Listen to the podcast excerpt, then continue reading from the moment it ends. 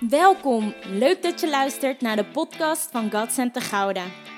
God Center Gouda is een jonge gemeente waar een ontmoeting met God centraal staat. Ons motto is Love God, Love People, Love Yourself. En deze week weer een inspirerende boodschap met Pastor Jeroen over geloof, hoop en liefde. We zijn, vorige week zijn we begonnen met een serie over groei. En dat is omdat het begin van het nieuwe seizoen weer is. Het is september, alles start weer. En we hebben het gehad over groei. En we hebben het vorige week hebben het gehad over hoe belangrijk het is om op het juiste ondergrond te bouwen. Dus als je echt wil groeien en als je krachtig wil doorgroeien, dat je niet op het zand kan bouwen, omdat het zand op het gegeven moment dan stort het in, maar dat we op de rots moeten bouwen. En uh, dat is deel 1 geweest. Dus dat is eigenlijk nog voordat je echt gaat groeien, voordat je het proces van bouwen ingaat, van wat moet daaraan vooraf gaan. En dat is vaak het graven in het zand in ons leven. Wat staat er nog tussen ons en God misschien in? Niet vanuit zijn kant, maar wat ons instabiel maakt. Wat zijn de dingen, de teleurstellingen misschien wel, de, de, de pijn, de angst, het verdriet. Uh, allemaal facetten die zand kunnen zijn in jouw leven. Waardoor je niet op Jezus bouwt, maar op ervaringen. En uh, we gaan deze week gaan we verder. En ik wil het vandaag hebben over de juiste voeding voor groei. En toen kom ik uit bij drie kernthema's: geloof, hoop en liefde. Geloof, hoop en liefde. En ik denk dat überhaupt ook buiten de kerk, maar ook in de kerk, dat die drie sprong ontzettend bekend is. Geloof, hoop en liefde. En ook mensen die niet in de kerk komen, die de Heer Jezus misschien nog helemaal niet kennen, die kennen vaak wel de uitdrukking geloof, hoop en liefde. Maar wat betekent dat dan en wat kunnen wij daarmee? En terwijl ik bezig was met vanochtend, moest ik denken aan hoe ik me aan het voorbereiden ben geweest op een marathon. En welke facetten er dan ontzettend belangrijk zijn. En ik moest denken aan voeding.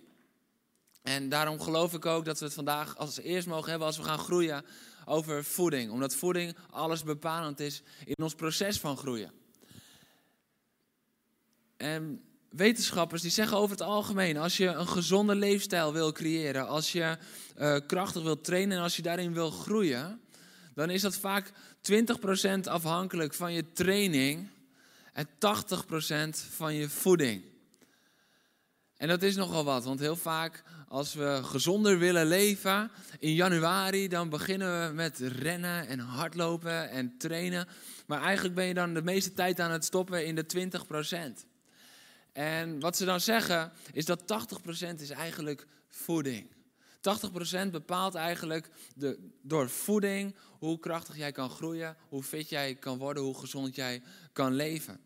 En terwijl ik daarmee bezig was, moest ik ook terugdenken dat ik ook heel vaak, terwijl ik me aan het voorbereiden ben op een marathon, heel veel bezig ben met voeding. Want dan ben ik bezig van, oké, ik ga vandaag zoveel kilometer lopen. Wat moet ik dan precies eten? Wat moet ik voor mijn training eten? Wat moet ik na mijn training eten? Wat moet ik tijdens mijn training eten? Oké, ik heb vandaag een rustdag. Wat moet ik dan eten? En je bent heel veel bezig met voeding. En dan heb je het nog niet eens gehad over je training. Dus voordat je überhaupt aan het hardlopen toekomt, ben je daar al heel veel mee bezig geweest. En uh, zijn het allemaal elementen die ontzettend belangrijk zijn. Want ik kan je zeggen, ik heb ook een keertje de ochtend nadat ik een pizzaavond heb gehad, gelopen. En dan loop je een stuk minder lekker als wanneer je gewoon een pastaatje of rijst op hebt. Is het herkenbaar dat je iets ontzettend verkeerds eet en dat je dan daarna denkt, ik ga sporten. En dat je denkt, dat had ik echt nooit moeten doen? Wie heeft er wel eens... ja, sommigen doen een workout voor de jeugd en dan gaat het even mis. Je kan bijvoorbeeld mekken en dan denken, nou, ik ga sporten. En dat kan heel erg verkeerd vallen. En dat heb ik ook wel eens gehad hoor, dat ik s ochtends op het voetbalveld stond en dat ik om tien uur een wedstrijd moest spelen. En dat ik de avond daarvoor, dat ik nog om vier uur s'nachts bij de zwarme tent een broodje zwarma had gehaald. En dat dat niet helemaal lekker ging. Dan ga je heel anders sporten. Waarom? Dat is niet omdat je lichaam minder krachtig is, maar omdat de goede voeding er niet in zit. En de verkeerde voeding wel in dat geval. Maar het is belangrijk om te letten op voeding, omdat dat uiteindelijk heel erg bepaalt waar de grens van jouw groei ligt. En zo is dat geestelijk ook. Geestelijk hebben we ook gebalanceerde en gezonde voeding nodig om te groeien. We hebben geloof, hoop en liefde nodig om te groeien. Soms kunnen we ons richten van, ja, maar we hebben geloof nodig. Geloof, geloof is het. Geloof is de sleutel. Maar dat is een eenzijdig beeld van voeding. En dat maakt die voeding niet verkeerd, maar dat maakt het uit balans als we alleen maar daarmee bezig zijn. En je kan zeggen van, ja, maar we, we moeten alleen maar liefde, alleen maar liefde. Ja, dat is een heel goed ingrediënt, maar dat is een derde van het voedingspatroon dat we nodig hebben. Geloof, hoop en liefde. Want om geestelijk te groeien hebben we die gebalanceerde en gezonde voeding nodig. En dan gaat het er dus niet om dat we gelijk gaan trainen en leren en onszelf vormen om te groeien in God. Maar waar voeden we ons mee? En dat vind ik een krachtige boodschap van genade. Dat het dus niet afhangt van hoeveel wij creëren in onszelf of wij geestelijk kunnen groeien. Maar dat het gaat om waar voeden we ons mee. En dat God zegt, maar ik ben jouw bron. Ik ben jouw bron in geloof, hoop en liefde. Ik ben de Vader, de Zoon en de Geest. En in die drie mag je je verdiepen en die mag je tot je nemen. En die voeding die brengt jou uiteindelijk in balans om gezond te groeien. Gezond te groeien. Want je kan groeien, maar dat kan heel ongezond zijn. En daarom willen we het vandaag hebben over gezonde groei. De juiste verhoudingen, de juiste voedingssoorten. En als we het nu twee babytjes gaan opdragen, voor een baby is dat ook belangrijk. Dat een baby de juiste voedingsstoffen allemaal binnenkrijgt. En dan denk je misschien van ja, die krijgt maar één soort voeding, dat is moedermelk. Ja, maar in moedermelk zitten zoveel verschillende stoffen die een baby nodig heeft. Dat is een al in één melk. En dat zorgt ervoor dat ze gezond en krachtig opgroeien. Waarom? Omdat ze een balans krijgen van de verschillende stoffen die een baby nodig heeft om op te groeien. En zo hebben wij gevarieerde voeding nodig in ons geestelijk leven. En vandaag wil ik daarin, daarop ingaan dat wij hebben nodig de Vader, de Zoon en de Geest. Wij hebben nodig geloof, hoop en liefde. En die drie kunnen we aan elkaar koppelen om te ontdekken hoe belangrijk het is dat we van alle drie genoeg hebben. En dat we van alle drie genoeg voeding binnenkrijgen. Want op het moment dat wij ons alleen maar verdiepen in de Vader en de Zoon en we laten de Heilige Geest buiten beschouwing, dan op het gegeven moment wordt het droog en gaan we niet verder groeien, maar raken we uit balans. En als je zegt van ja, maar het is alleen Jezus, het is alleen Jezus, dan is dat een facet en dat is een goed facet maar Jezus zelf, die zegt al van ik zal mijn plaatsvervanger zorgen, uh, sturen. Dus de Heilige Geest is belangrijk. En Jezus wijst continu naar de Vader. Dus we kunnen niet alleen naar Jezus kijken zonder ook de andere twee te zoeken.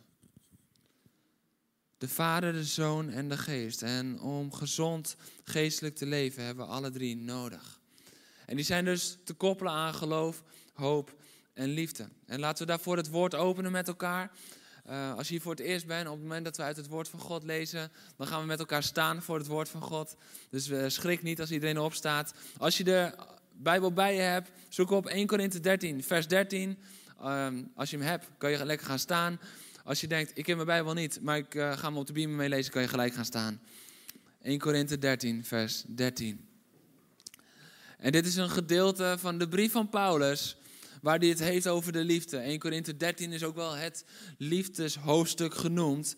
En dan op het gegeven moment gaat hij verder en uh, in vers 12 dan heeft hij het over, nu kijken we nog in een wazige spiegel, maar straks staan we oog in oog. Dus hij kijkt al vooruit naar het moment, naar de hemel. En dan zegt hij, oké, maar dat is dan, maar wat is er dan nu? En ons resten dan, dat is vers 13, ons resten geloof, hoop en liefde. Deze drie, maar de grootste daarvan is de liefde. Ik heb me jarenlang afgevraagd, waarom is de liefde dan het grootst? Want we zijn toch gerechtvaardigd door ons geloof. En ik dacht, hoe kan dat dan? Want het geloof is toch het belangrijkste. We gaan zo direct ontdekken. Ik geloof dat God dat heeft geopenbaard waarom liefde de grootste is van die drie. En dan gaan we heel even door naar Efeze 3, vers 16. Daar staat, mogen hij vanuit zijn rijke luister uw innerlijke wezen kracht en sterkte schenken door zijn geest. Zodat door uw geloof Christus in u gaat wonen in uw hart en u geworteld en gegrondvest blijft in de liefde. Wederom de geest, Christus en de liefde die de Vader is. Geworteld en gegrondvest in de liefde. Je mag lekker gaan zitten.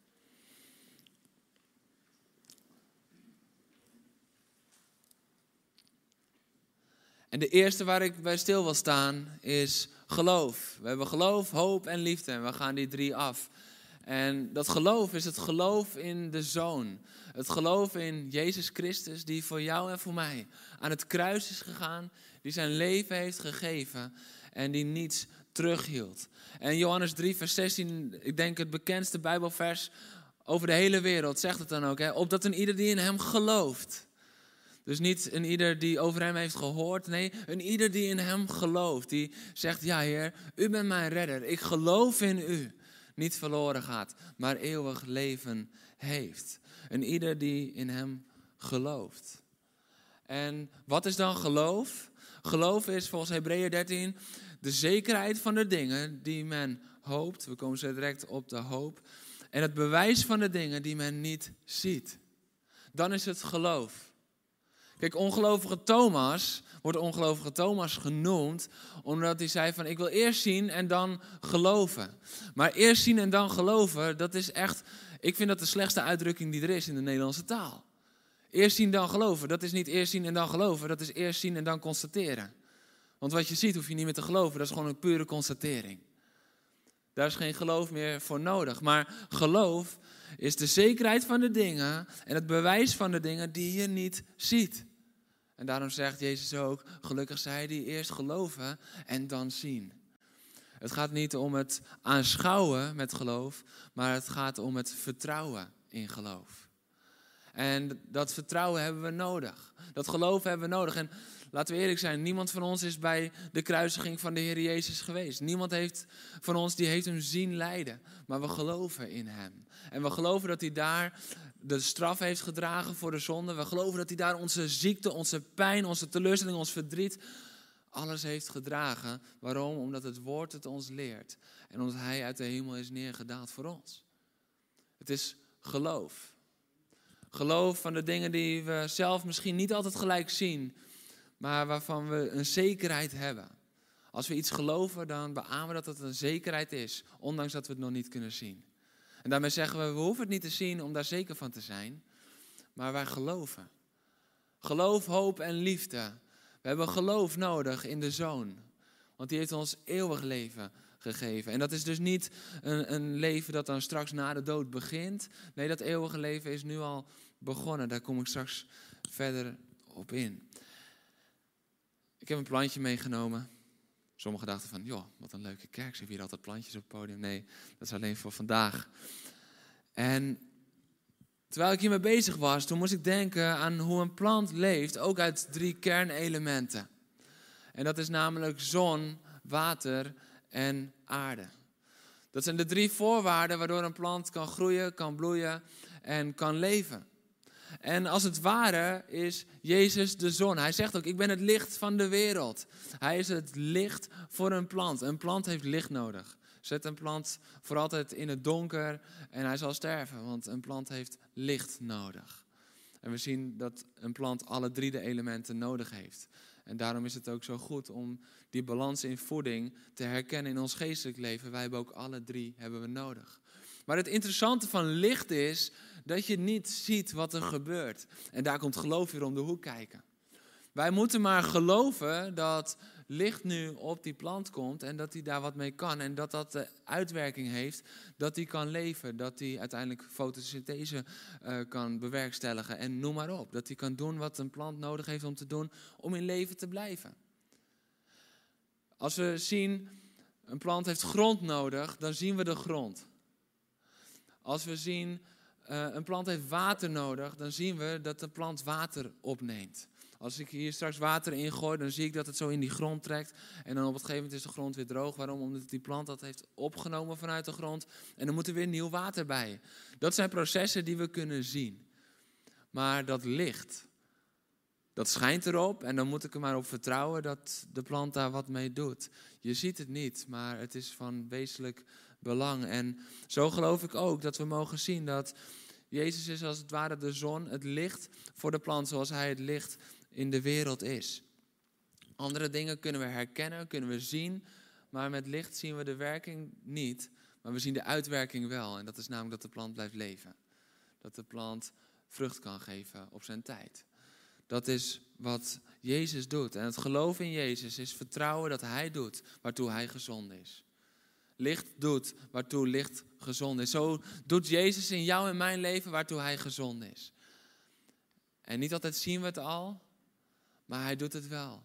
In de Bijbel zien we in de evangelie zoveel verhalen dat hij al deed waartoe hij gezonde was, maar dat mensen nog in geloof moesten gaan. Ga maar naar huis. Er zal genezing zijn thuis.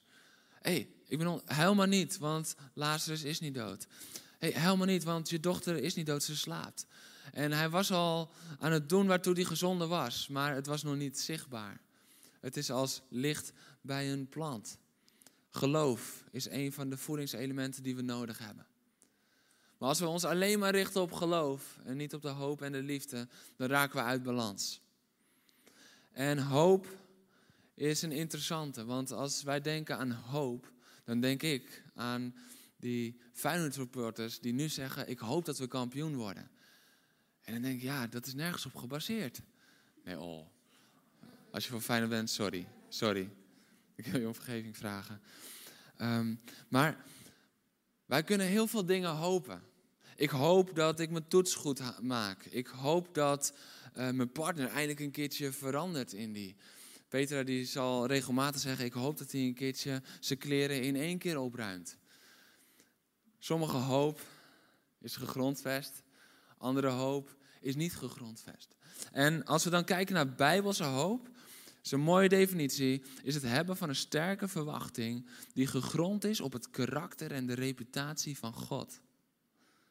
Dus onze hoop, als we het hebben over hoop in, in het woord, als we het hebben over hoop in ons geloofsleven, dan is dat niet op, gebaseerd op een innerlijke wens of een innerlijke verwachting, maar dan is dat gebaseerd op het karakter van God. En dat is nog eens hoop. Dan kan hoop krachtig zijn. Dan is het niet van, nou ja, op hoop van zegen, maar ik hoop op de zegen. En dan, als we dat dan zeggen, dan hebben we eigenlijk die innerlijke overtuiging van die zegen komt. Want mijn hoop is gegrondvest in het karakter van God. Niet de hoop die ik zelf heb, maar het karakter van God. En ik wil daar nog een mooie tekst over lezen. Dat is Romeinen 15, vers 13. Er staat: Mogen God, die ons nu hoop geeft u in het geloof geheel en al vervullen met vreugde en vrede, zodat uw hoop overvloedig zal zijn door de kracht van de Heilige Geest. Wie werkt uiteindelijk hoop in onze harten uit? Dat is de Heilige Geest. Geloof, hoop en liefde. En dan is het Vader, Zoon en de Geest. We hebben de Geest nodig als onze hoop. En dat is dan niet um, wachtend op het eeuwig leven van oké, we hopen op. Nee, maar de Heilige Geest en zijn aanwezigheid zijn het bewijs dat het eeuwig leven vandaag al is begonnen in jou. Als wij het hebben over het eeuwig leven, dan kunnen we vaak denken over na de dood. En dan hopen we daarop. Maar dat is een menselijke hoop. Dat is een menselijke hoop van oké, ik heb het nu niet zo fijn of ik vind het nu moeilijk. Maar als ik eenmaal ooit in de hemel ben, op die gouden straten loop, dan. Dat is menselijke hoop. Maar bijbelse hoop is de zekerheid die wij hebben in God. En de Heilige Geest die daar al het bewijs van is, die nu in jou leeft, in mij leeft. En waardoor we krachtig kunnen wandelen met Hem. En dan gaan we dus niet wachten tot na de dood of wederkomst van Jezus op de hoop die dan voor ons klaar ligt. Nee, maar dan is die hoop nu onze zekerheid. En dan zijn we al begonnen met het eeuwig leven. En dan beseffen we, oké, de dood heeft geen macht meer in mij.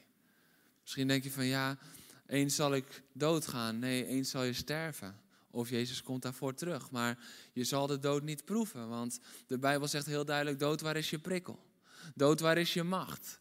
Want het is weg. Want Jezus heeft het jou ontnomen. Jezus heeft overwonnen. Jezus overwinnaar. We hebben er net over gezongen met elkaar. Jezus overwinnaar. Dood, waar is je macht? Waar is je prikkel gebleven? Jezus leeft, dus ik zal leven. Jezus leeft dus, ik zal leven. En de Heilige Geest is dan als het water voor een plant. De Heilige Geest is het water dat toegevoegd wordt. En ik heb iets heel bijzonders ontdekt aan dat water. Ik heb een kleine biologieles online gevolgd uh, om deze preek goed te kunnen geven. En in die biologieles kwam eruit voort dat water is betrokken bij alles wat er gebeurt in een plant. En ik werd daar zo door geraakt. Ik dacht, ja, het is allemaal mooi. Maar water is betrokken bij alles. Wij denken, oké, dat zorgt ervoor dat hij niet sterft en dat hij een beetje in het bloed blijft. Nee, maar bij alles wat er in een plant gebeurt, is water betrokken. Dus bij het opnemen van de voeding uit de aarde, we komen zo direct op de aarde, op de Vader. Daar is de Heilige Geest het water bij betrokken. Maar ook bij wat het licht doet in de plant en dat de fotosynthese plaats kan vinden en dat er daardoor weer nieuwe voedingsstoffen uit voort kunnen komen. Daar is het water ook bij betrokken. En zo is de Heilige Geest ook in ons leven. Zonder water sterft een plant. Zonder water sterft een boom en kan het niet vrucht dragen. Maar met water is het in alles betrokken. In alles rondom de zoon, in alles rondom de vader. En is het ook niet zo met de Heilige Geest in ons leven. Dat de Heilige Geest het communicatiemiddel is tussen hemel en aarde.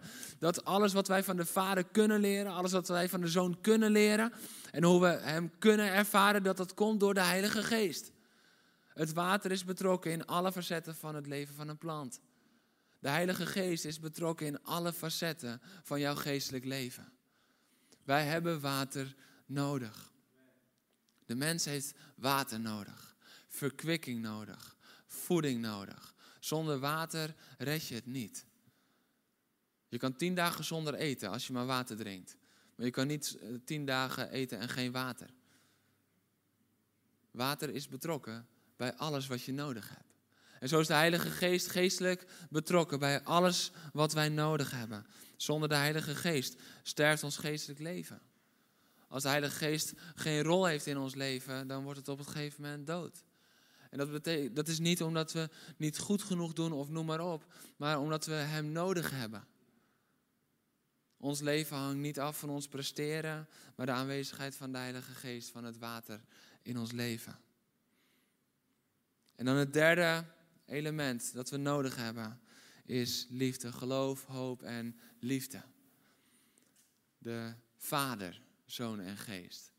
We hebben de Vader nodig en uit liefde gaf God zijn Zoon en uit liefde maakte God jou en mij en uit liefde had Hij een reddingsplan om weer ons zijn kinderen te kunnen noemen.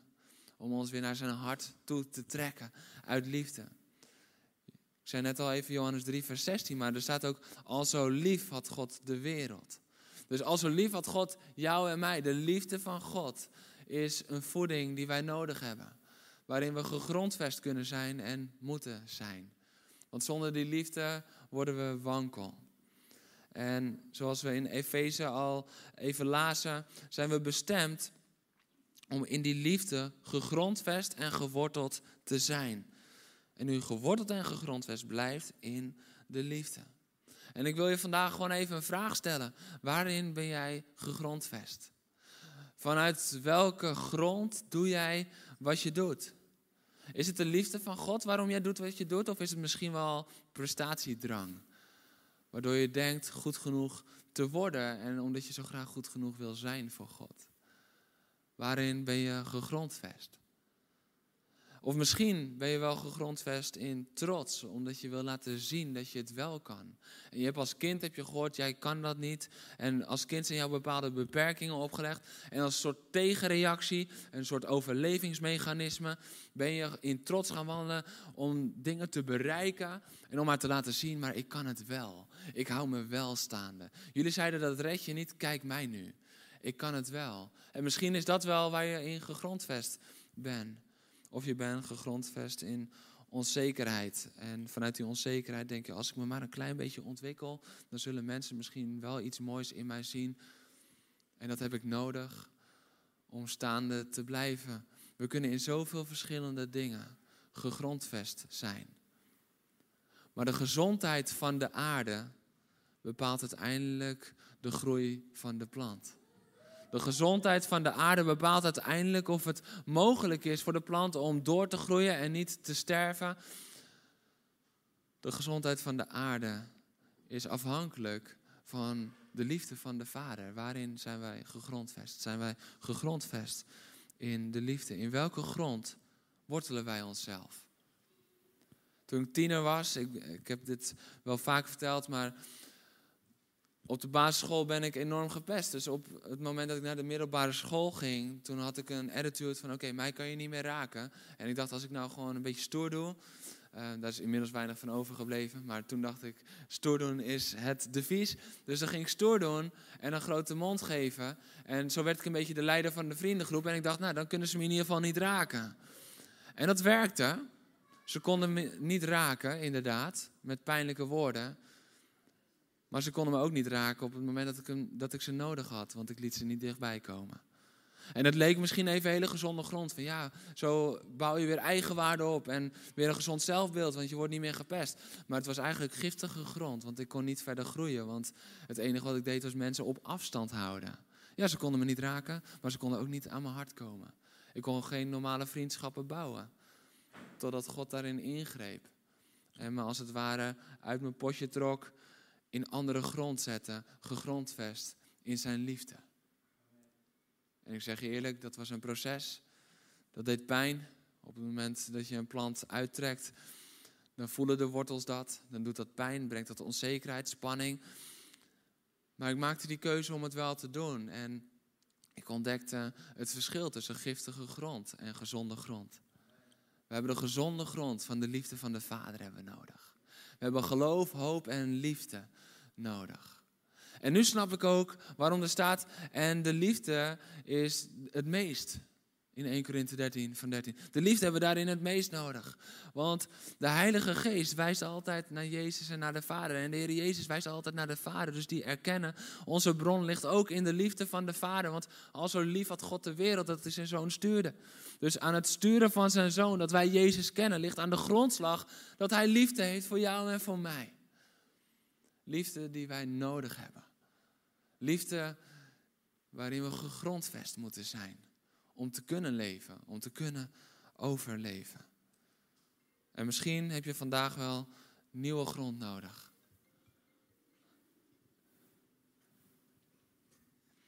iemand had liefde nodig. Die belde al gelijk op. Misschien heb jij vandaag wel een nieuwe grond nodig uit de grond van prestatiedruk getrokken, geplant in de grond van de liefde van de Vader. Misschien heb jij wel grond nodig vanuit onzekerheid om in de liefde te kunnen tappen. Misschien wel vanuit trots. Misschien is de grond waaruit jij doet wat je doet altijd wel angst.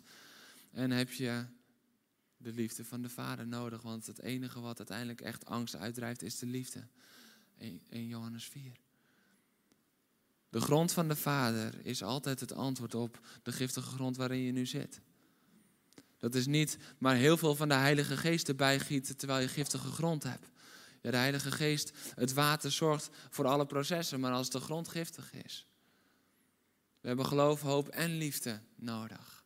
We hebben de Vader, de Zoon en de Geest nodig. We hebben licht, we hebben water en we hebben aarde nodig in ons leven. Want op het moment dat dat uit balans is, die drie, dan kan er een periode groei mogelijk lijken, maar uiteindelijk gaat er altijd scheefgroei komen. Want op het moment dat je wel zon en water hebt, maar je hebt niet de goede grond, dan schiet het misschien even op, maar dan zal de plant altijd stabiel, instabiel blijven.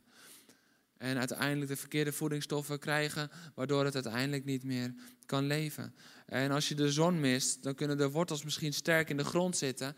En het water zorgt ervoor dat de wortels goed wortels schieten en voeding eruit kunnen halen. Maar het water kan niet samenwerken met de zon, want de Heilige Geest is een geest van samenwerking. Hij werkt altijd samen met de Vader en met de Zoon. En uiteindelijk zal de plant sterven, omdat het niet mogelijk is zonder het licht van de zon.